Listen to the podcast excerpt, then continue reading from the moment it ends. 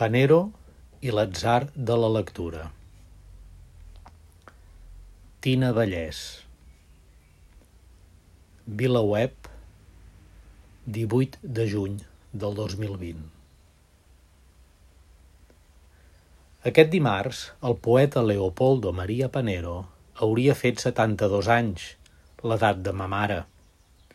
Ma mare no hi té res a veure en el que escriuré, però és que recordo que quan vaig buscar per primer cop el seu nom, el de Panero, a l'enciclopèdia de la biblioteca, parlo dels anys 90, i vaig veure que era del 1948, el primer que vaig pensar va ser, com la mare, i que això devia ser gairebé l'únic que tenien en comú. Les dates de naixement dels artistes que admirava s'acostaven sovint a les dels pares, i això em solia xocar i entusiasmar alhora. Però el primer cop que vaig sentir parlar de Panero va ser força abans. Era només un tal Leopoldo, que s'estava en un hospital psiquiàtric de Mondragón, més endavant se'n va anar a un de les Canàries, i participava en una tertúlia radiofònica de malalts mentals al programa La Ventana de Xavier Cerdà a la SER. Jo començava a estudiar filologia catalana i quan no era a la Facultat de Lletres ni a la biblioteca, escoltava la ràdio, i aquella tertúlia del dimarts em tenia fascinada, com la dels presos el dijous. Cerdà els preguntava per la seva vida i també per l'actualitat, i la manera de veure-ho tot que tenien els malalts i els presos era gairebé balsàmica per als que vivien pendents de l'última notícia ja en aquells anys. Ara, el tal Leopoldo era qui trencava més els esquemes. Es notava que la resta de tertulians l'admiraven, li reconeixien una mena d'autoritat que l'oient, si no sabia qui era aquell senyor, no acabava d'entendre d'on venia.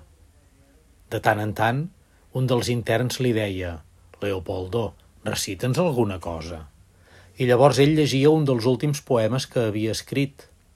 Va ser després de llegir un d'aquells poemes que Cerdà va dir el cognom del tal Leopoldo i me'l vaig apuntar en el primer paper que vaig trobar, perquè aquells versos seus m'havien transportat el meu llavors idolatradíssim poeta en Nueva York de Lorca.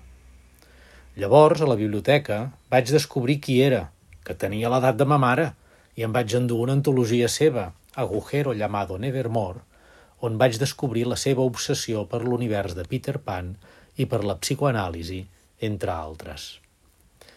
A la facultat vaig començar a parlar de Panero amb els amics i la majoria no es van sentir atrets per aquell poeta sonat de la ràdio – però un parell sí.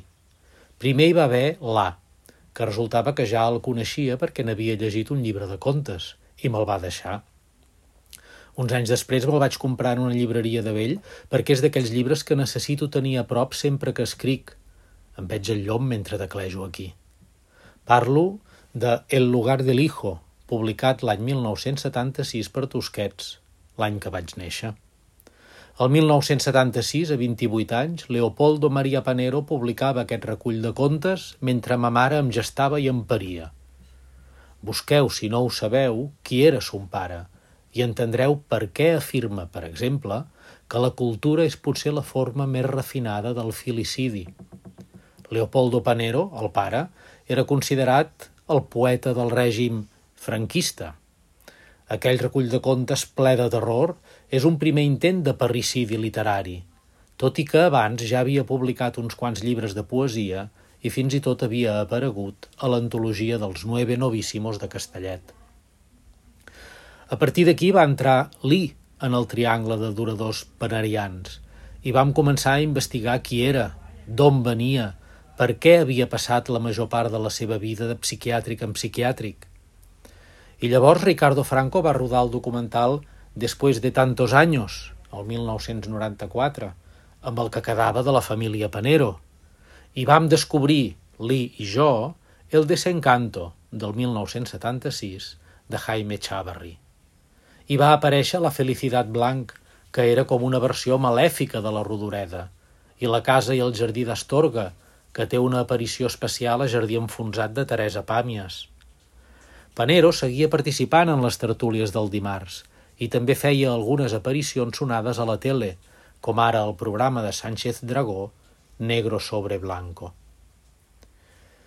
A poc a poc van ser més els companys de carrera que es van anar interessant per aquell personatge, primer pel personatge i després, no tots, per la seva obra.